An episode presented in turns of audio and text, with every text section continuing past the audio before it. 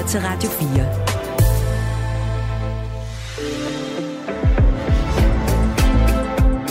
4. Velkommen til Mandat.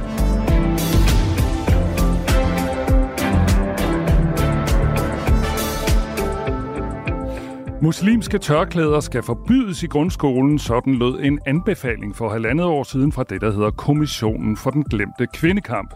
Tørklædeforbuddet blev diskuteret og kritiseret, men det blev ikke til noget. Og kommissionens øvrige anbefalinger er for længst gået i glemmebogen. Nu samles kommissionen for den glemte kvindekamp igen, men hvad skal vi med den slags, som ingen lytter til? Vi taler med Øslem Sikic, der er nyt medlem i kommissionen lige om et øjeblik Aller, aller, aller. De amerikanske præsidentkandidaters alder er blevet det helt store tema i USA. Trump er som bekendt 77 år, og Biden er 81. Men er det overhovedet et problem at være gammel i politik? Er man ikke bare vis og erfaren? I anden halvdel øh, af mandat, der taler vi med en af de ældste folketingsmedlemmer herhjemme, og vi spørger blandt andet om alderen trykker. Og så er partilederne i Blå Blok begyndt at holde faste møder igen. Men hvem sidder for bordenden? Og hvilke sager eller politiske temaer kan gøre de blå partier relevante for vælgerne? Det taler vi også om i dag. Mit navn er Michael Robach. Du kan som altid skrive til mig på 1424. Velkommen til Mandat. Du lytter til Radio 4. Som sagt, så skal kommissionen for den glemte kvindekamp igen i arbejdstøjet. Og hvis du har glemt, hvad den kommission er for noget, så kan du måske alligevel huske et forslag, de kom med. I 2022, der anbefalede de nemlig, at det skulle være forbudt for piger i grundskolen at bære muslimsk tørklæde. Lad os høre, hvad kommissionsformanden sagde dengang. Og har man engang mødt en pige, der i en meget tidlig alder ni år for eksempel har fået tørklæde på, som ikke har ønsket det selv. Det er der altså ikke nogen piger i det danske samfund, som fortjener. Derfor kommer vi med det her forslag. Og det var altså øh, formanden for kommissionen Holbæk, Socialdemokratiske borgmester Christina øh, Krutiak Hansen, vi hørte her. Og kommissionen for den glemte kvindekamp blev nedsat for at komme med forslag til, hvordan man kan dæmme op for social kontrol af piger og kvinder i landets indvandrermiljøer. Og de kom faktisk med otte andre delanbefalinger i august 22, men det blev tørklædeforbud i skolerne, der løb med alt opmærksomheden. Og anbefalingen blev ikke til reel politik, for tørklædeforbud var i strid med grundloven, lød det senere fra regeringen. Og siden så lå kommissionen helt stille efter et folketingsvalg, en ny regering og diskussioner om, hvorvidt den overhovedet skulle genopleves. Men nu sker der altså noget. De skal igen arbejde med den glemte kvindekamp i den her kommission, og der er til med kommet nye medlemmer til, deriblandt Øslem Sekic. Velkommen til mandagen. Velkommen til mandagen. Tak. Øh, du er tidligere folketingsmedlem for øh, SF. Du er tidligere folketingsmedlem for SF. Jeg ja. har rigtig meget ekko på. Og i dag, og i dag generelt. Er, er der meget ekko på? Ja, jeg skal lige prøve se, om jeg kan gøre noget her. Ja, jeg skal lige prøve se, om jeg kan gøre noget her. Øh, du kan godt høre og mig, Og jeg er også generalsekretær for brobyggerne i dag, og ja. ikke medlem af nogen politiske partier. Ja. Godt. Jeg ved, du ikke kan lide navnet på kommissionen. Jeg ved, jeg ved også, du ikke var vild med anbefalinger om et tørklædeforbud. om et tørklædeforbud. Hvorfor er du overhovedet trådt ind i Men den her det, kommission? Altså... Hvorfor er du overhovedet trådt ind i den her kommission? altså, navnet synes jeg faktisk ikke er dækkende for det arbejde, der er lavet. Så når man siger den glemte kvindekamp, øh, så er det jo også en øh, måde at tale ned til det arbejde, som nuværende regering, tidligere regering, andre borgerlige regeringer har arbejdet med gennem sidste 20 år. Der har været enormt meget fokus på negativ social kontrol, og der har været enormt mange initiativer, som faktisk er begyndt at virke. Mm. Og, øh, og derfor forstår jeg slet ikke, hvorfor politikerne ikke vil tage ejerskab over de gode initiativer, har gjort en kæmpe forskel for de her undertrykte kvinder, men hellere vil holde fast i fortællinger om, at der er ikke nogen, der gør noget ved det her, der er ikke nogen, der tager sig af det, mm. for det faktuelt er det faktisk ikke helt rigtigt. Og så er der kommissionen.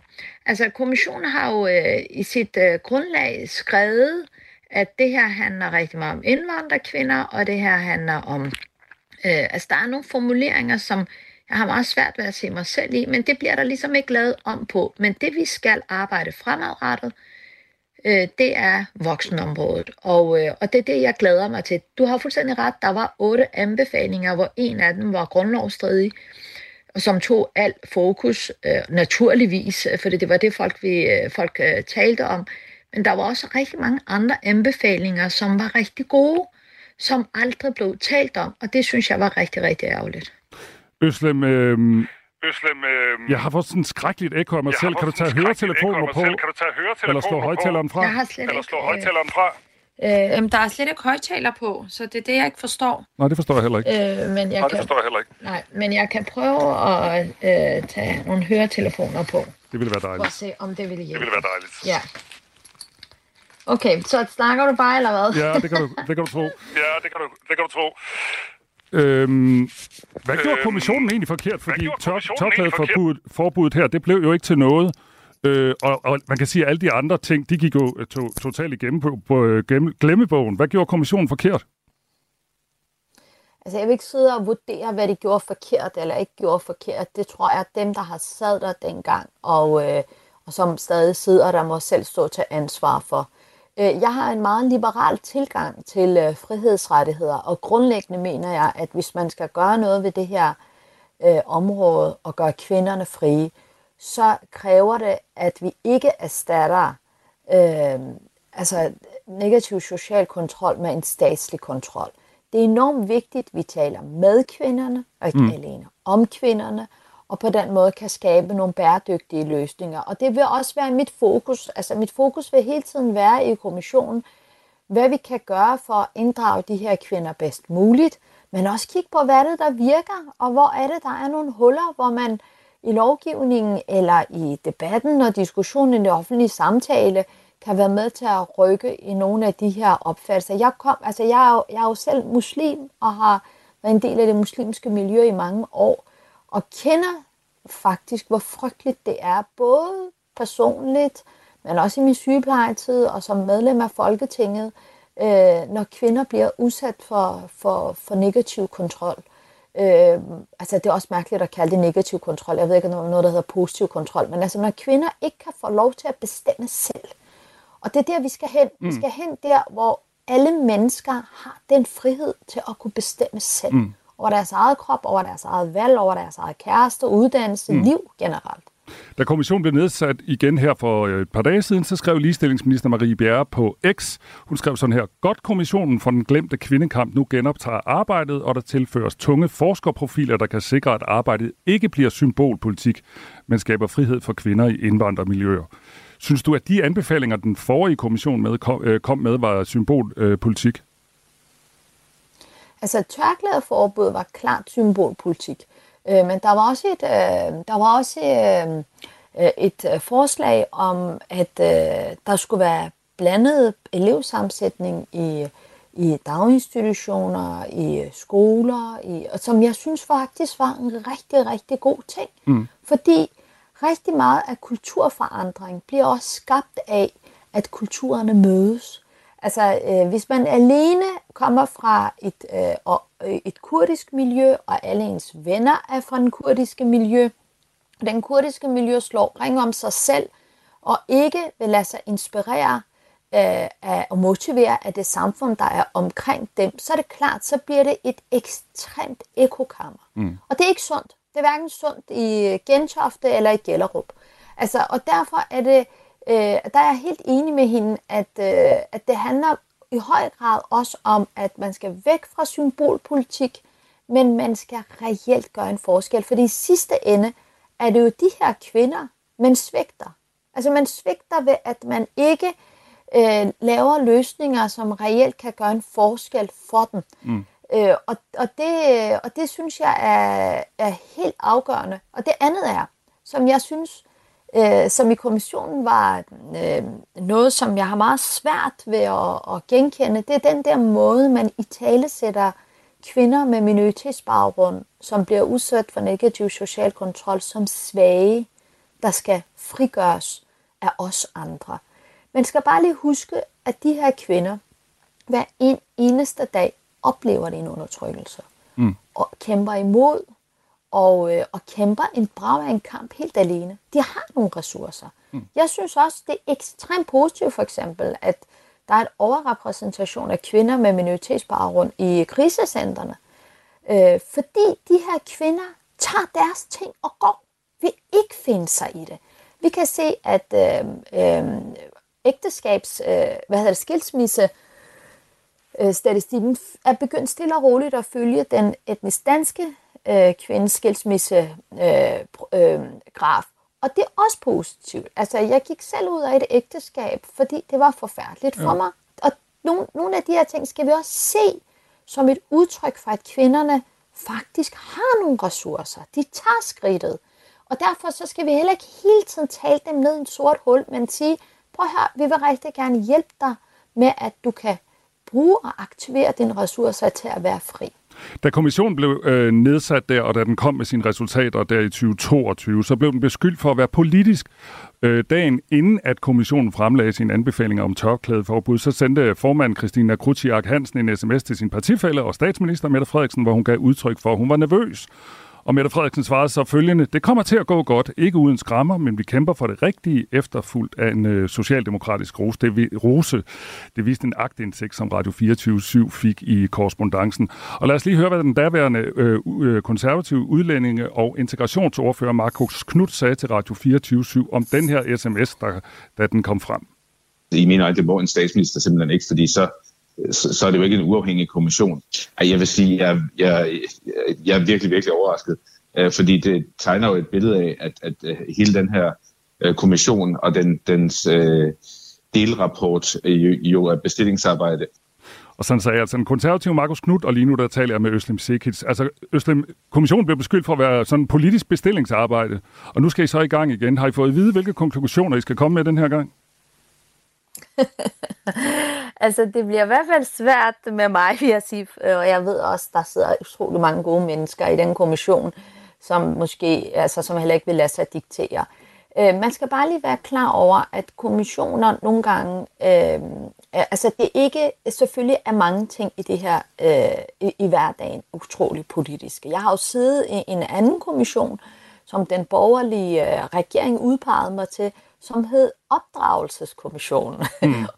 og bare alene og navnet signalerede ligesom, hvad er det, ministeren gerne vil med den her kommission. Og så er det klart, at ministeren vælger altid en formand, som øh, ministeren er, er måske partifælder med, eller holdningsmæssigt er tæt op af.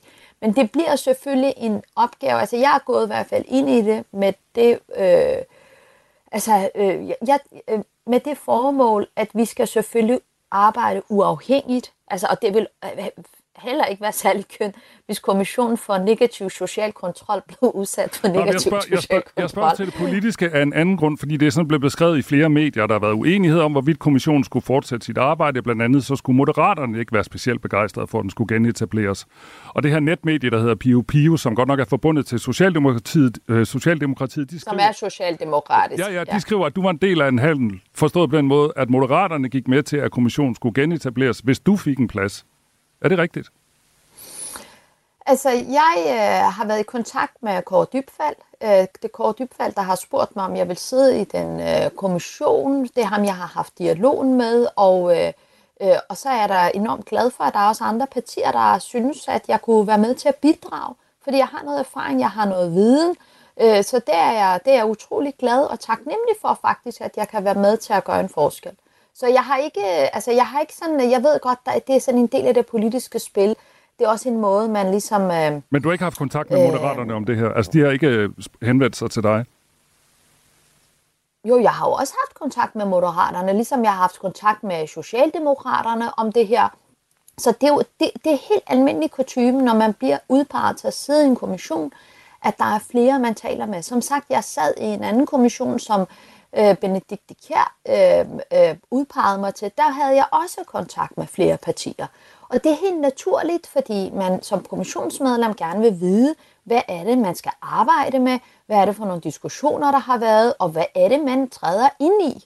Det synes jeg er helt fair. Sådan vil det også være, hvis jeg søgte et job, så ville jeg jo også sørge for, udover at jeg havde læst stillingsopslaget, at jeg måske også talte med den, der stod for øh, jobsamtalerne, måske dem, der havde arbejdet der før, som jeg kendte. Det, det synes jeg ikke, der er noget ødiøst i.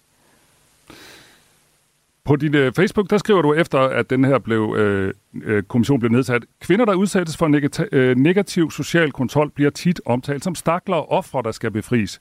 Jeg køber ikke den fortælling, fordi mange af de her kvinder kæmper en rigtig svær og hård kamp hver eneste dag. Citat slut. Det er noget, du selv har skrevet. Det lyder næsten som om, du ikke køber kommissionens blik på indvandrerkvinder. Er du overhovedet enig i, at der er et problem med social kontrol i de her miljøer?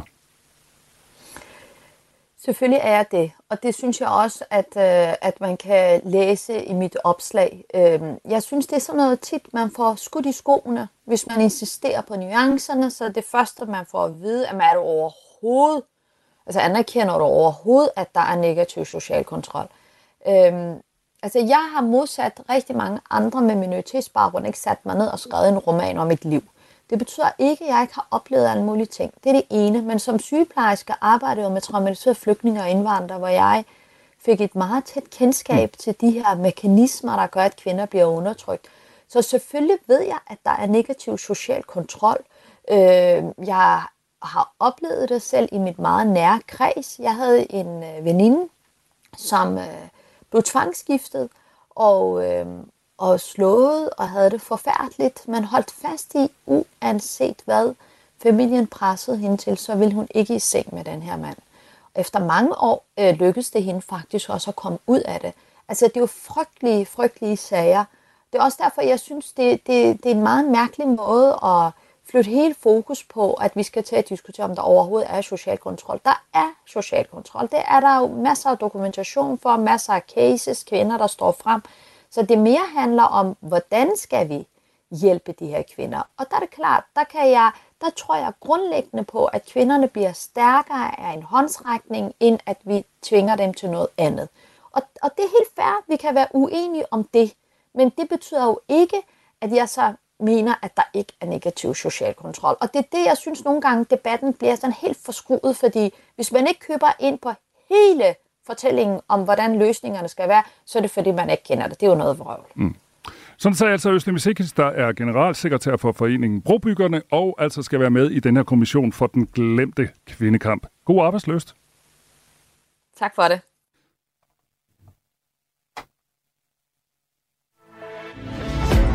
Lytter til Radio 4. Nu skal det handle om Blå Blok, for hvordan går det egentlig med partierne i den blå opposition? Noget kunne tyde på, at de så småt er kommet sig over det her granatschok, da Venstre gjorde Mette Frederiksen til statsminister. I hvert fald så er partierne i Blå Blok nu begyndt at tale med hinanden. Efter de ikke har haft faste møder siden valget, så kunne Søren Pape, de konservatives formand, for nylig fortælle, at de blå partiledere nu er begyndt at mødes regelmæssigt. Jamen det er jo, øh, øh altså øh, Messersmith, Støjberg, Vandopslag og jeg, der, øh, der mødes og øh, vender dagsordenen, både det, der er aktuelt, men måske også sådan lidt længere frem, er der noget, vi skal være opmærksom på. Nogle gange kan man jo godt tale med hinanden om, det her, det bliver vi nok uenige om, når vi skal til et aftale, og det her, der er måske noget, vi kan støtte hinanden i. At det, øh, det er et godt rum, hvor vi, hvor vi får både kommunikeret med hinanden, men jo også, kan man sige, måske strategisk kan få nogle gode snakke. Sådan sagde de konservatives formand Søren Pape til DR's politiske magasin Slotsholmen for et par uger siden. Men hvad vil Blå Blok? Og hvad skal deres politiske projekt være, hvis de skal have et samlet projekt? Og hvem skal i øvrigt stå, spidsen for, at stå i spidsen for Blå Blok?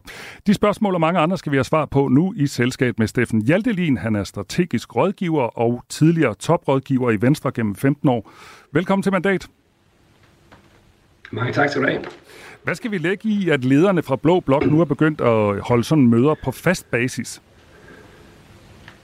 Jamen, jeg tror, vi skal lægge det i det, som Pape også er inde på, at de kan begynde at ane vand valg i horisonten. Og et er jo folketingsvalget, hvor der er et to og et halvt år til, men der er jo også et EP-valg allerede i juni i år, og så er der et uh, kommunal regionsvalg øh, næste år. Og der er det jo måske klogt, at man lige har fået stukket linjerne ud, i, når man har siddet sammen alene, så man er enige om, uh, hvor hårdt man angriber hinanden, hvorhen man er enige om at være uenig, så det ikke kommer til at virke som om, at man er mere uenig med hinanden, end at man er med, med, med Mette Frederiksen og den nuværende regering.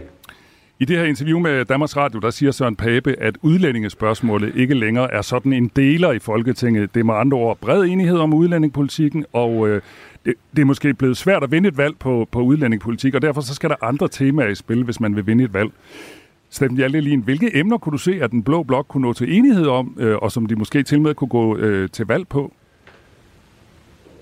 Ja, altså nu tror jeg, jeg er øh, som sådan ikke tilhænger af, at, øh, at, at det der med, at den, den ene side af Folketinget skal have sådan et fælles samlet projekt, det kan jeg faktisk ikke rigtig huske, der jeg vundet et folketingsvalg på. Men det, der man i hvert fald kan tabe et folketingsvalg på, det er, hvis man er fuldstændig pløk uenig, som vi så sidste gang, da Pape han var ude og love topskattelettelse, og Støjberg siger, at det bliver ikke på min vagt. Så det, det fremstår jo ikke særlig, øh, særlig, øh, særlig klogt, kan man sige.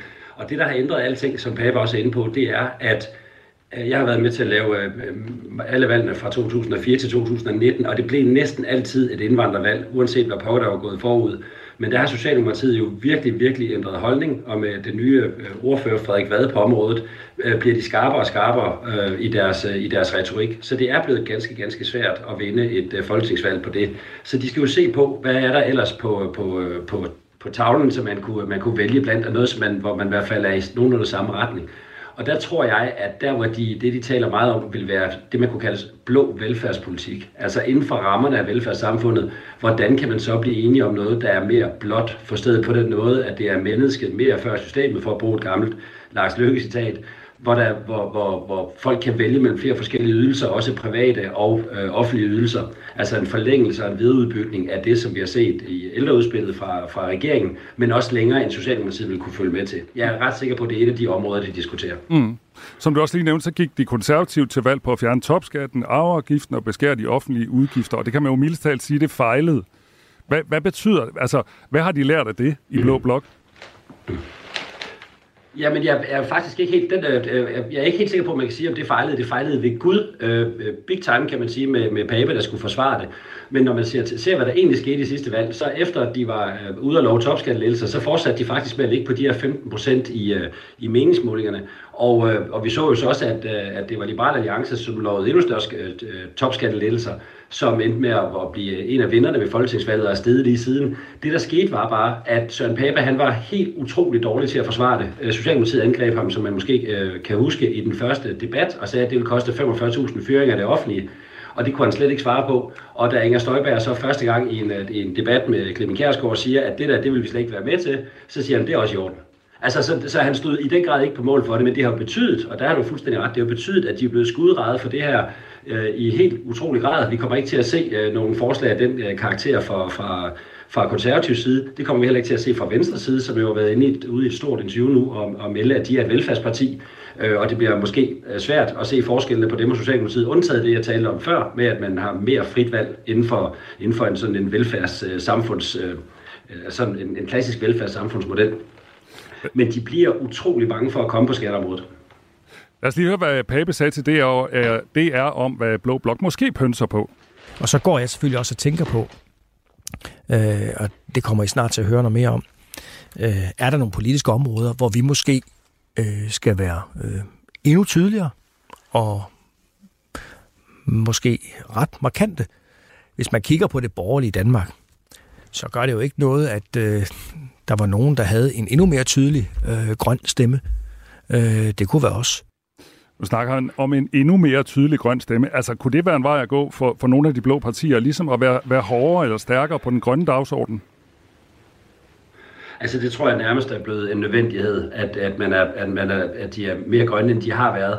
Men om man decideret bliver, øh, kan blive enige om at blive så grønne, at man kan vinde et valg på det, det kan jeg godt være mere øh, tvivlende om. Vi har jo øh, Danmarksdemokraterne med i ligningen, som, øh, som i den grad vil passe på øh, landbruget og være, nok ikke være på den grønnere side øh, øh, i, den, i de diskussioner, der kommer. Så det tror jeg bliver rigtig svært. Måske de kan blive enige om noget atomkraft, eller noget, som, som de fleste af dem er begyndt at flytte med. Øh, så måske kan man få nogle nedslag på det grønne område. Men at forestille sig, at øh, Blå Blok eller de her partier til sammen får et, nogle fælles øh, grønne projekter, som bliver grønnere end de alternativer, der ellers bliver i Folketingssalen, det tror jeg er meget svært at forestille sig. Jeg er ikke i tvivl om, at konservative kommer til at køre langt frem på den her. Det fortæller han jo også selv. Så det er mere de konservative end de andre partier? Ja, det tror jeg. Ja. Øh, vi skal tale videre. Vi skal lige om lidt gøre plads til nyhederne, øh, og så taler vi videre med Steffen Jallelin om øh, fire minutter, når vi har fået en runde nyheder. Og her fokuserer vi, på, øh, fokuserer, fokuserer vi ind på personerne i Blå Blok, for hvem er det egentlig, der er Blå Bloks leder? Og så skal vi også øh, tale om alder. Øh, vi skal, det er selvfølgelig aktualiseret af de to præsidentkandidater i USA, der er henholdsvis 77 og 81 år gamle. Jeg synes, jeg, jeg tænker, de er for gamle til at ja, være øh, aktuelle. Jeg tænker, at øh, Biden er blevet for gammel. Men øh, så man kan jo sagtens være enormt skarp som 80-årig. Jeg håber, de har en masse visdom, som de kan bruge og gøre nytte af. Altså, jeg kan ikke forstå, at de ikke kan finde nogen, der er yngre, som, som kan bruges til noget. Ja, det var nogle danskere, der forholdt sig til de amerikanske øh, præsidentkandidaters alder. Men øh, efter øh, nyhederne, efter vi har talt mere om Blå Blok, så skal vi tale med en af de ældste folk. Du lytter til Radio 4.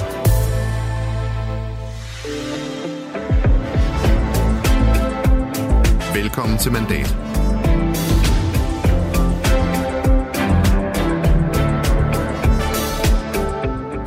Vi begynder anden halvdel af mandat med at tale videre om Blå Blok for partilederne Søren Pape, Inger Støjberg, Morten Messerschmidt og Alex Vanopslag har nemlig vedtaget at holde regelmæssige møder. Det er en ny ting, for siden valget har der ikke været faste møder i kalenderen mellem de fire partiledere i Blå Blok. Det er der nu, og derfor er det interessant at se på, hvordan de blå partier har det. Og ikke mindst, hvem der sidder for bordenden i Blå Blok. Nu skal vi tale om personer. Vi har stadigvæk Steffen Hjaltelin med. Han er strategisk rådgiver, og øh, gennem 15 år var han rådgiver for Venstre. Steffen Hjaltelin, hvem er egentlig leder af Blå Blok? Jeg tror, at lige nu kan man næsten ikke sige, at der er nogen leder af Blå Blok. Øh, hvis man overhovedet skulle se et navn, er det selvfølgelig øh, Varnum fordi det, øh, det er gået så styrtende godt for dem i, i meningsmålingerne. Og, øh, og det er klart, at hvis de fortsætter med at være 50% større end Danmarksdemokraterne som nummer to, og tre gange så store som, som de andre partier øh, på den blå side, så bliver man mere og mere opmærksom på, om det måske er øh, Varnum Slag, der er statsministerkandidat. Men øh, sporene de skræmmer helt vildt fra sidste, øh, fra sidste valg, hvor Pape han øh, jo fik en gevaldig derute efter han meldte sig som det, så han vil være meget påpasselig med at melde sig som statsministerkandidat. Mm. Forleden der lagde øh, Alex Vanopslag en video på X, og øh, han forudser, at nu kommer der sådan en stor skræmmekampagne, fordi det går godt for Liberal Alliance. Prøv at lytte med her. Nu begynder kampagnen mod Vanopslag, og det bliver brutalt. De husker, hvordan de smadrede Pape. Vandopslag er den perfekte modstander. Det var øh, nogle af overskrifterne øh, i Berlinske øh, i går, øh, fordi de har talt øh, til baggrund med nogle top socialdemokrater. Øh, faktisk også nogle venstrefolk og nogle moderater. Øh, nu var de enige om, at nu skulle LA og Varnopslag ned med nakken. Nu begynder den socialdemokratiske skræmmekampagne. Sådan så altså Alex Vanopslag øh, på en øh, video, som han har lagt på det sociale medie X. Steffen Jantelin, er det derfor, han ikke siger noget, fordi han er bange for, så kommer der sådan en kampagne, som vi så mod Pape? Ja, det ved jeg ikke, man ikke, altså man ikke melder sig som statsministerkandidat, tænker du på. Men ja. det, er, ja, det er givetvis en af årsagerne, men jeg tror, jeg, jeg tror nu ikke, han er så frygtelig bange for kampen, som Pape var. Og det er det, der gør, at det bliver meget, det bliver meget uforudsigeligt til, til næste valg. Fordi han har jo vist sig i debatter at være utrolig stærk, øh, og, og, og står jo ret fast på de ting, som Liberale Alliance står på. Men, men Socialdemokratiet, de har, de er allerede gået i gang. Man kunne se, at i går var der også på, på Facebook var der også videoer, hvor de, øh, hvor de angreb øh, Liberale Alliance. Så det, det er et rigtig godt mål for Socialdemokratiet til at få forklaret, hvordan, øh, hvor forskellen er. Øh, han kommer til at tage den, afvej, den afvejning i forhold til næste valg. Er det bedre at bare fortsætte med at pege på, på, no, på noget og ikke på nogen, som øh, Lars Løkke introducerede i sidste valg? Eller har jeg som, og jeg tror det er den eneste derude, der vil have den fordel, har jeg den fordel at kalde mig selv statsministerkandidat, og dermed være den, der får duellerne med, med Mette Frederiksen. For ellers er vi jo i den vanvittige situation til næste valg, at hvem pokker skal duellere. Altså hvis ikke der er nogen, der melder sig ud over Mette Frederiksen, hvordan pokker holder man så et folketingsvalg i det hele taget med alle de ting, som jeg plejer i hvert fald være med til at lave. Og der får han jo et podie af en anden verden, hvis han vælger at tage den. Men det er også risikabelt, fordi alle angrebene vil komme den vej. Men kan vi ikke også risikere, at der står øh, en 3-4 stykker, øh, der gerne vil være øh, statsministerkandidater, altså Vandopslag, Pape og Støjberg? Jeg har meget svært ved at se, at, øh, at Pave han skulle prøve det igen, øh, og fra et 5% udgangspunkt, der, som de ligger på cirka lige nu, vil det være utrolig svært. Øh, Støjberg vil også være svært, øh, fordi hun øh, har en lidt smal politik, kan man sige, som primært er koncentreret omkring øh, provins og, øh, og indvandring og noget landbrug, og det er enormt svært at, øh, at, øh, at, føre, at føre sådan en statsministeriel øh, kampagne for. Og så skal vi lige huske, det der er interessant, det er, at uanset om de måtte være statsministerkandidater, så bliver de jo næppe statsminister. Altså jeg tror, der er tre mulige, tre mennesker i Danmark, der kan blive statsminister efter næste valg, men det vi ved lige nu, og det er Nikolaj Vammen, Mette Frederiksen og Lars Løkke Rasmussen. Fordi at, øh, og Vammen øh, jo kun hvis, hvis Mette Frederiksen tager et job nede i Europa, men, men det der sker, hvis, det, hvis der bliver et, et, et blåligt flertal, så kan jeg i hvert fald ikke regne mig frem til, som det ser ud lige nu, at det kan være uden moderaterne. Og hvis det er med Moderaterne, så vil Lars Løkke tage sig betalt med en statsministerpost, ellers så tror jeg bare, at han fortsætter i den nuværende konstellation. Men øh, som det ser ud lige nu i meningsmålingerne, så er Liberal Alliance jo meget større end øh, Moderaterne. Spiller det ikke en rolle? Ja, men det er jo... Øh, øh, jo, jo, øh, men, men det der, øh, dem, der kommer over de 90 mandater, de har jo en helt, helt særlig situation. De tæller jo minimum dobbelt de, de mandater, der bringer over. Øh, fordi at, øh, at hvis, det var det, vi var tæt på, der skete det sidste gang, at, øh, at øh, øh, Lars Løkke ville kunne vælge, hvem han, øh, han øh, ville gøre til øh, regeringsleder, og det her under kunne så blive ham selv. Havde, havde, havde Blå Blok fået en procent mere, så kunne det være sådan sidste gang, at det var Lars Løkke, som, øh, som de andre havde gjort øh, til, øh, til, øh, til statsminister. Og jeg synes også på den retorik, der er, når, de, når man er ude og spørge de forskellige øh, blå øh, partiledere, så er de heller ikke lige så afvist over for det, som de har været. Fordi de kan jo også tælle mandaterne. Det er, en umul- det er meget, meget svært at forestille sig på nuværende tidspunkt, at man kan over 90 uden moderaterne. Det er meget, meget svært for mig at forestille mig, at øh, der kan komme en blå regering, hvor Lars Løkke han pænt ordentligt peger på Vandopslag som, øh, som, øh, som statsminister, og så indordner sig i, i, øh, i den regering, som så også skulle hvile på Inger Støjbergs mandater.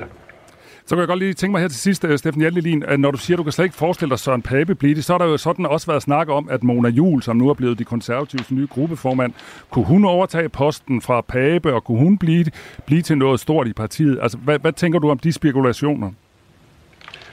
Jo, jeg tror, jeg tror det er hende, der, der, der står klar, hvis, der, hvis øh, Pape han, øh, han trækker sig, eller de andre finder ud af, efter et dårligt øh, EU-valg og et dårligt kommunalvalg, han måske burde trække sig, der kommer pres på ham, så er det, så er det Mona Jul, som kommer til at være den, så synes jeg, det ser ud nu. Og hun har gjort det utrolig godt. Altså, hun er jo en meget dygtig erhvervskvinde, som har, som har gjort det utrolig godt i et konservativt, kommunikerer godt. Det hun bare ikke har prøvet, det er at være statsministerkandidat, og så skulle op og i, og i dueller med en Vardomslag, med en Mette Frederiksen, med en Lars Løkke. Og det er altså en helt anden Champions League, end det hun har prøvet før. Så, så måske kan hun, men det kræver, øh, det kræver virkelig noget. Mm.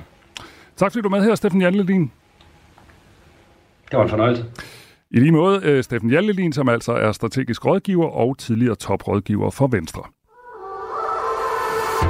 I Radio 4's app kan du altid lytte med, når vi sender live. Fra tidlig morgen til de sene nattetimer. Download Radio 4's app og lyt med, hvor end du er. Nu skal vi tale om alder og politik, for måske det er måske det allervigtigste tema i præsidentvalgkampen i USA. Men hvor meget fylder tallene på dopsattesten for en af landets ældste folketingspolitikere herhjemme? Det taler jeg med en 70, undskyld, en 70-årig folketingspolitiker lige om, lige om lidt. Men lad os begynde i USA, fordi øh, under et pressemøde i sidste uge i det Hvide Hus, der lød det sådan her, da Joe Biden øh, talte om Ægyptens præsident Sisi. The conduct of the response in Gaza, in the Gaza Strip, has been um, over the top. I think that, uh, as you know, initially the president of Mexico, Sisi, Det var altså den nuværende amerikanske præsident Joe Biden, som er 81 år gammel. Det går lidt langsomt, det er lidt tøvende, og så får han altså omtalt Ægyptens præsident som præsidenten af Mexico. Lad os lige uh, tage et klip fra den anden lejr også. Donald Trump, den uh, tidligere præsident og nuværende kandidat, har også lidt problemer med at hitte rundt i navne og steder. Det her det er fra en tale, han, uh, ta, uh, han har holdt, hvor han omtaler Ungarns præsident Viktor Orbán sådan her. Viktor Orbán, did ever, anyone ever hear of him? He's probably like one of the strongest leaders anywhere in the world. And he, uh, he's the leader of, right? He's the leader of Turkey. Fronts on both Russia Ja, sådan sagde altså den 77-årige Donald Trump, og i talen her får Trump altså omtalt Ungarns præsident med ordene, han er lederen af Tyrkiet. Den slags detaljer kan jo smutte for selv den bedste. Men i den amerikanske valgkamp, så får den her slags fejl enorm opmærksomhed. Både demokraternes 81-årige Joe Biden og republikanernes 77-årige Donald Trump beskylder nemlig hinanden for at være mere eller mindre demente. Og alder, det er det helt store i den øh, amerikanske valgkamp, det siger Berlingskes øh, USA-korrespondent, han hedder Jakob Heinl. Jamen altså, det er jo kommet til at betyde meget mere, end, øh, end vi har set øh, tidligere. Øh, og det er selvfølgelig fordi, at, øh, at USA's præsident Biden, han er øh, så meget op i alderen, som han er. Altså, øh, altså udsigten til, at øh, en ny øh, øh Biden-term, øh, at han først er færdig, øh, når han er 86 år gammel, det skræmmer mange amerikanere. De kigger på deres præsident og tænker, det her det er simpelthen for langt ude, det her det er blevet øh, et, øh, et problem. Hvorfor skal vores ledere være øh, øh, så gamle? Sådan lød det fra Jacob Heinel, som er Berlingskes mand i USA. Nu vender vi så blikket hjemad, fordi hvad betyder alder for danske politikere? Bjarne Lausen er medlem af Folketinget for Socialdemokratiet. Velkommen til mandat. Tak skal du have. Almindeligvis så plejer vi jo ikke at sige, hvor gamle folk er, når vi interviewer dem, men her gør vi altså en undtagelse. Du er 70 år, øh, Bjarne, og øh, nu hører vi amerikanske præsidentkandidater, der ikke kan finde øh, rundt i navne og lande osv. Og, og vi har også flere gange set billeder af Biden, der skvatter. Du er ikke helt så gammel som dem, men øh, hvordan har du det? Nej. Jamen, jeg har det rigtig, rigtig fint. Jeg er jo i mit livs øh, form. Øh, så selvfølgelig betyder alder noget, men øh, det kommer jo også an på, hvordan øh, ens... Øh, fysiske formåen er, og intellektet er, og, og det er jo helt tydeligt, at for begge to, uh, der er der et eller andet galt. Og det er selvfølgelig problemet for dem, uh, hvis man er i den situation, mm. det er jo, hvis man kommer til at tale mere om det, end den politik, de står for, uh, så, så giver det jo selv sagt et problem. Men jeg tror, det er vigtigt også, at enten så, hvis man selv kan finde ud af at trække sig i tide, at så man har gode folk i sit øh, vennekreds, rådgiver, øh, der ligesom prikker ind på skulderen og siger, øh, nu er det tid til, at vi øh, kommer ud af det her. Ikke? Hvad tænker du egentlig, når du ser de der to ældre herrer? Jamen, jeg tænker, at de må have noget af i de to partier, som jo, øh, vi har jo 12 partier herhjemme, men, men derovre, der har de kun to. De, de burde kunne finde nogle yngre øh, kandidater. Uh, jeg tror, at de har et, de, ja, det er jo et helt anderledes politisk system, hvor, man, hvor det er meget, meget svært at, at komme til tops i deres uh, partier. Men uh, der burde være uh, en, en større mulighed for, at yngre kandidater, altså som Barack Obama, uh, kom op og, og kunne tage uh, lederskabet. Han startede så alt for tidligt, fordi han kunne jo sagtens have været det endnu. Mm. Uh, så det er et underligt system, uh, de har i, uh, i USA. Men det er jo vigtigt at sige, at det er i et demokratisk uh, samfund, der er det jo den, der får flest stemmer, som må normalt, normalvis være, at det er dem, øh, man sætter sin lid til. Men man skal ikke sidde øh, på en plads, og så ikke kan følge med, øh, og være fuldstændig desorienteret om nogle ting. Mm. Det, det vil ikke komme til at ske i mit tilfælde. Ellers så vil jeg håbe, at der er nogen, der siger, Bjarne, nu, er, nu ringer klokken, nu er det din tur til at stå af og finde nogle yngre, yngre kræfter. Men det tænker du, at, fordi det kan man jo ikke lade være med at tænke på øh, i forbindelse med de amerikanske præsidenter, om der ikke er nogen, der prikker den på skulderen og siger, ved du hvad, Biden, du er ved at være lidt gammel. Tænker du, at du har nogen, der vil kunne sige sådan til dig i din familie, eller nogen i partiet? Ja, det er jeg helt sikker på. Altså, øh, for det første, øh, allerede ved sidste valg, der var der rigtig mange, der, der på de sociale medier, og det skal man ikke tage for mere end det, det er, men, men uh, sagde din, dit gamle røvhul, hvornår skal du til at stoppe? Er det ikke på tide, at, at, at, at du trapper ned og sådan noget, ikke? Og uh, der havde vi lige været den situation, at ved sidste valg, der stoppede Marianne Hjelved og, og Bertel Hårder efter en lang, uh, gloværdig politisk karriere. Uh, og der var der også mange, der talte om, at hvis Marianne Hjelved går af, uh, det er jo ikke når hun gik, men hvis hun gjorde det, mm. og det gjorde hun altså så sammen med Bertel Hårder, der blev valgt på samme tidspunkt. Så det var ligesom en aftale, de havde. Øh, jeg synes, at det, der er vigtigt i Folketinget, det er, at der er en bred øh, sammensætning af for det første lige dele mænd og kvinder, men også en aldersspredning, således at, at det ikke bare er nogle unge øh, knøse, øh, og uh, der sidder der, men er også nogen, der har noget erfaring, fordi det er jo det her, at man ikke skal tage fejl af. Erfaring betyder også noget. Mm. Ja, hele den her snak, den er jo med udgangspunkt i USA, så jeg har været på gaden i USA og spurgt, hvad folk synes om alderen på de to amerikanske kandidater. Prøv at høre med her. Hvad tænker du om, at de to øh, amerikanske præsidentkandidater er henholdsvis 77 og 81? Jeg synes, de er meget gamle. Ja. Jeg synes, jeg, jeg tænker, de er for gamle til at ja, være øh, aktuelle, faktisk. Synes du, man skulle sætte sådan en øvre grænse på, hvor gamle folk må være, når de stiller op? Ja, det synes jeg faktisk ville være ret fornuftigt. Jeg tænker, at øh, Biden er blevet for gammel. Men øh, så man kan jo sagtens være enormt skarp som 80-årig. Men synes du så, man skulle lave sådan en øvre grænse for, hvor gammel man kan være, for, øh, hvis man skal stille op? Nej. Hvad siger du til, at de, de øh, to amerikanske præsidentkandidater er henholdsvis 77 og 81? Uha, øh, jeg håber, de har en masse visdom, som de kan bruge og gøre nytte af. Ja. Det er en stor diskussion i USA, deres alder. Tænker du, det er bekymrende, at det er sådan to ældre herrer, der stiller op? Øhm, nej, hvad tænker du om, at de to præsidentkandidater er henholdsvis 77 og 81? Jamen, jeg tænker, det måske er en lidt høj alder i forhold til, at de kan have svært ved at se forskellige sager fra øh, yngre synspunkter. Synes du, man skulle lave sådan en øvre grænse for, hvor gammel man skal være for at kunne stille op?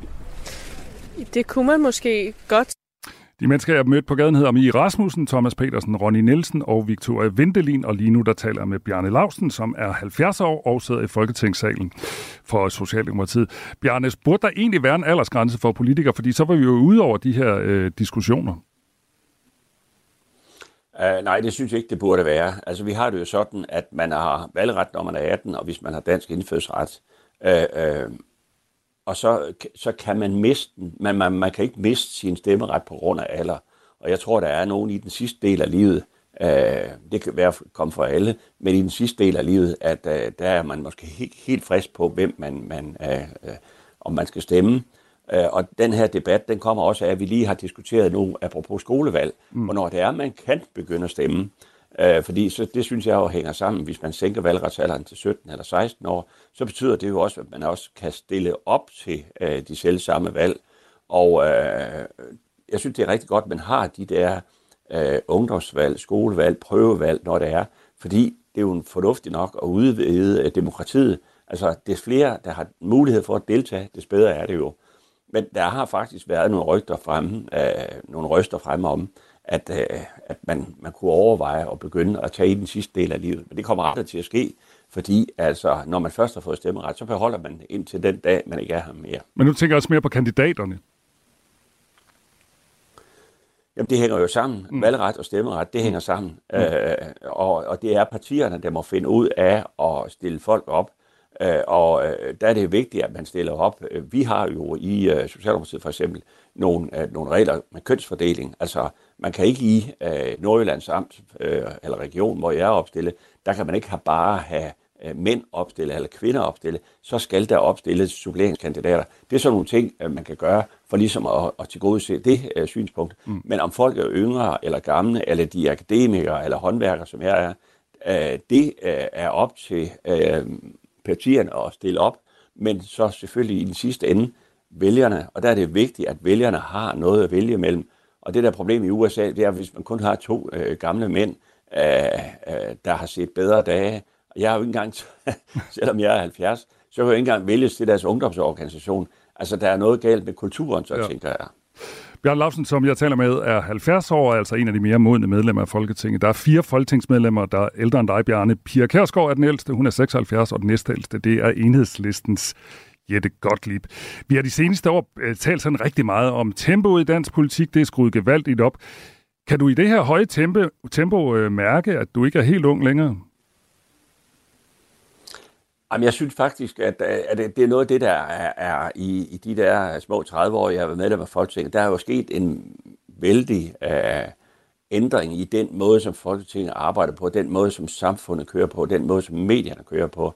Og øh, øh, det er jo først og fremmest, øh, da jeg kom i Folketinget, der var der ikke nogen, der havde sendt en mail til nogen. Der var heller ikke nogen, der havde sendt en sms. Og nu laver vi ikke andet. Og derfor er det jo en helt, helt anderledes dag, og vi har fået de sociale medier, øh, og øh, øh bevares. Vi har noget, der hedder Radio 4 og, øh, og andre lokale medier, men det er jo ude på de sociale medier, altså at det rykker, og der skal du jo være til stede også, fordi det er der, at folk de får deres informationer fra. Der er færre, der holder en fast avis. Der er øh, mange af de unge mennesker, de øh, øh ja, øh, ser ikke fast tv-avisen, som vi gjorde i gamle dage. Så der er sket en hel masse ændringer, og øh, i forhold til, øh, til Folketinget, hvor der kommer masser af børnefamilier ind, jamen der er der jo ingen afstemninger efter klokken 17. Øh, og det betyder, at alt det der sociale samliv og sådan noget, som vi havde før hen i tiden, det er væk. Man kan ikke se, øh, populært sagt, øh, folks øh, røv for øh, skosåler, at de er ude af døren lige så snart der ikke er flere møder tilbage i Folketinget. Så den, den måde at ændre på, men det der er vigtigt, det er jo, at man stadigvæk øh, kan følge med i de dagsordner og har, øh, altså når man er socialdemokrat, som jeg er, så har man nogle grundholdninger, men man skal også være parat til at forny sig, øh, fordi samfundet, øh, der sker ting og sager hele tiden. Så øh, på det felt, hvis du kan følge med der, jamen så er det jo op til i sidste ende vælgerne at sige, vi vil godt have sådan en, en fyr som dig. Og hvad med alle de her dagsordner? Der er kommet så mange nye dagsordner her de senere år, altså sådan noget woke og MeToo og alle de der ting. Altså, hvordan følger du med i det? Det er jo meget sådan, eller det er i hvert fald også dagsordner, som måske mere optager de unge end de ældre. Ja, det tror jeg. Altså, altså jeg har lidt svært ved at forstå alt det der MeToo og sager, der popper op efter 20 år, og øh, når man er født øh, øh, øh, ude på landet, og øh, hvor der var højt til loftet og langt til døren, og øh, uddannet som maskinarbejder, hvor at ude ved sådan, den der værkstedshumor, øh, historie og så videre, øh, øh, det er ikke lige det, der er dagsordenen. Man skal virkelig passe på øh, med, hvad man siger. Øh, der er ting, som man kunne sige før hen i tiden, slæbt godt fra det. Det kan man ikke sige i dag, mm. og, øh, og derfor har det jo selvfølgelig ændret sig. Øh, hele tonen imellem kønnene på arbejdspladsen, sexikane, øh, øh, det er, der er også mange mennesker, der er krænkelsesparate, ikke? og det, der er sådan forskellige holdninger til det. Så jeg tror, det betyder rigtig meget, og så der, det skal man jo lære at, at gebære sig i, øh, for ellers så øh, kommer man hurtigt ud fra en shitstorm. Mm. Jeg har lidt tal. Ved det seneste folketingsvalg i 2022, der var gennemsnitsalderen for de nyvalgte øh, 45,7 øh, år, og det er for eksempel i forhold til valget i 57, knap øh, 7 øh, år højere, eller det var højere i 57, øh, 7 år højere. Og ved valget, så var der lidt over 1% af de nyvalgte folketingsmedlemmer, der var øh, over 70 år. Men i befolkningen som sådan, der er mere end 18 procent af, af befolkningen over 70 år. Og nu taler vi, og det gjorde du også, Bjørne, øh, rigtig meget om repræsentation. Er det egentlig et problem, at sammensætningen i Folketinget ikke afspejler sammensætningen blandt befolkningen bedre? Altså når vi nu taler om alder, altså der er meget få gamle i Folketinget. Ja, øh, jeg ved ikke, om det er et problem, fordi man skal jo repræsentere alle befolkningsgrupper, når man kommer dertil. Øh, jeg synes, at vi ikke har øh, for eksempel øh, erhvervsledere, dem har vi stort set ingen af, øh, og, og typer som, som mig, med, som håndværkere, dem mangler der også nogle af. Så mangler der også nogen fra det private erhvervsliv, der er rigtig mange fra øh, det offentlige. Det hænger sammen med den måde, som, som man har mulighed for at stille op på, at, at hvis man stiller op øh, og, og har et job i det offentlige, jamen så får man overlov. Det gør man ikke i det private. Så hvis du ryger ud næste gang, så er du, så er du øh, løst for både dit politiske arbejde, men også det arbejde, du havde før. Sådan er det ikke, og derfor er forskellene vidt forskellige. Og jeg tror, at det er noget af det, man, man kommer til at kigge på. Og man kan også se i kommunerne, der sidder der rigtig mange. Det er svært at forene et øh, politisk arbejde, øh, og have job, øh, gøre karriere osv., og så bruge så meget tid, som det kræves i en kommunalbestyrelse. Mm. Og derfor kommer der til at sidde rigtig mange pensionister øh, i, de, øh, i de kommunale råd fremover. Så øh, det er, en, øh, det er en balancegang, men hvis man holder af demokratiet, så skal vi jo finde alle de der folk. Og så, så øh, har vi også et problem, det er, at det er jo ikke sådan, at folk de står i kø for at melde sig ind i et politisk parti. Og derfor, øh, både i Socialdemokratiet og Venstre, øh, to af de store gamle partier, de er jo udfordret, fordi at der dør flere af deres medlemmer, øh, end der kommer ind. Så der, der, der, der mangler simpelthen noget fornyelse, og derfor er risikoen jo også for, at det er den lidt ældre garde, øh, der kommer til at stille op. Mm. Nu, snakker, du satte lige ordet ambitioner. Du er fiskeriordfører for Socialdemokratiet, og du er formand for Beskæftigelsesudvalget. Har du egentlig stadig ambitioner? Altså drømmer sådan en som dig om at blive minister? Uh, nej, uh, det kunne jeg måske godt have blevet på et eller andet tidspunkt, men, men jeg er en anden type politiker end de fleste. Jeg bliver sådan i uh, derovre i, uh, på Christiansborg kaldt for en skide sovnerådspolitiker og en enkeltsagspolitiker. Jeg, jeg er meget nordjød, jeg bliver kaldt øh, nordjydernes tillidsmand. Altså, det vil sige, at jeg tager sager op, der, der, hvor jeg kærer mig om de forhold, øh, der er i Nordjylland. Det kan være infrastruktur, det kan være øh, øh, den grønne omstilling, eller andre ting, som, som betyder noget for nordjyderne, og øh, tilbagetrækning, hvad der kan være. Øh, det, det er sådan nogle ting, jeg tager op, og så har jeg jo øh, taget rigtig mange enkeltsager op, og det kan man gøre, uanset om man er ung eller gammel. Det, det er mere den tilgang til politik. Jeg, jeg bryder mig ikke om uretfærdigheder, øh, og derfor øh, folk de ringer jo til mig øh, tidligere og sent øh, om forskellige sager, og dem tager jeg så op, øh, og nogle af dem lykkes det at få gjort noget ved, og andre sidder og snakker om noget, som aldrig nogensinde bliver til noget. Der er jeg meget mere øh, nærværende for de nordjyske vælgere. Det tror jeg, det er det her, jeg har givet øh, meget øh, mandat, så mange valg i, i træk, øh, valg efter valg. Så øh, vi har forskellige tilgang til det, og det synes jeg er fint, den diversitet, der er blandt folketingsmedlemmer. Nogle går op i noget, andre går op i noget andet, men det, det, det korte eller lange, det er at bringe de erfaringer, man har ind, og så synes jeg, det er godt, øh, det er det, jeg får øh, folk, de fremhæver mig, det er, Bjarne, du har været ude og lave noget, inden du kom i Folketinget. Du har øh, stået ved, øh, øh, ved, ved øh, ambolden og smede og gjort ved, inden du kom i Folketinget. Øh, hvorimod, hvis man kommer direkte fra universitetet og ind i Folketinget, så synes folk, at så har man ikke prøvet rigtigt at arbejde. Jeg er ikke så god, jeg er meget øh, tid tilbage, Bjørn Larsen, men jeg kan jo ikke lade være med at spørge dig. Vi ved jo ikke, hvornår der kommer et folketingsvalg. Hvad gør du der egentlig af overvejelser om, øh, hvorvidt du skal stille op næste gang? Jamen, altså, så lang tid man er frisk, øh, og jeg føler mig frisk, og jeg, øh, jeg er næsten aldrig syg eller noget. Jeg har haft et hjerteproblem, og det er der mange andre, der har også. Men, men jeg kan passe mit arbejde og følge med de unge. Så er det ikke noget, jeg bekymrer mig om, det der, hvad der står et, et tal på min topsattest. Det er udelukkende noget, jeg har med min øh, valgkreds i, øh, i Frederikshavn, øh, hvornår den dag måtte komme. Øh, der er forholdsvis lang tid til valget. Vi skal have generalforsamling nu her i øh, marts måned, der stiller jeg op igen. Øh, og så må vi se efter den tid, øh, hvad der kommer til at ske. Men jeg kan jo sagtens se, at uret det løber øh, den forkerte vej i forhold til, til det. Så min tid kommer selvfølgelig også på det her, og jeg vil aldrig komme til at sidde i en situation, øh, hvor at, øh, at jeg vil stå som Biden, øh, selvom jeg synes, han er en dygtig politiker og gjort rigtig mange øh, gode ting i den her valgperiode, så kan man jo godt selv se, at øh, hvis man ikke kan kende forskel på øh, det ene og det andet, sådan en helt elementære ting, jamen så kan det også være svært øh, at, at få det til at hænge sammen. Øh, og derfor enten så skal man selv træffe beslutningen, eller så skal man have gode folk i sit nærområde, der siger, nu stopper festen. Tak skal du have, Bjarne Lausten, fordi du vil være med. Altså Bjarne Lausten, som er 70 år og medlem af Folk. Du har lyttet til en podcast fra Radio 4. Find flere episoder i vores app, eller der, hvor du lytter til podcast. Radio 4. Ikke så forudsigelig.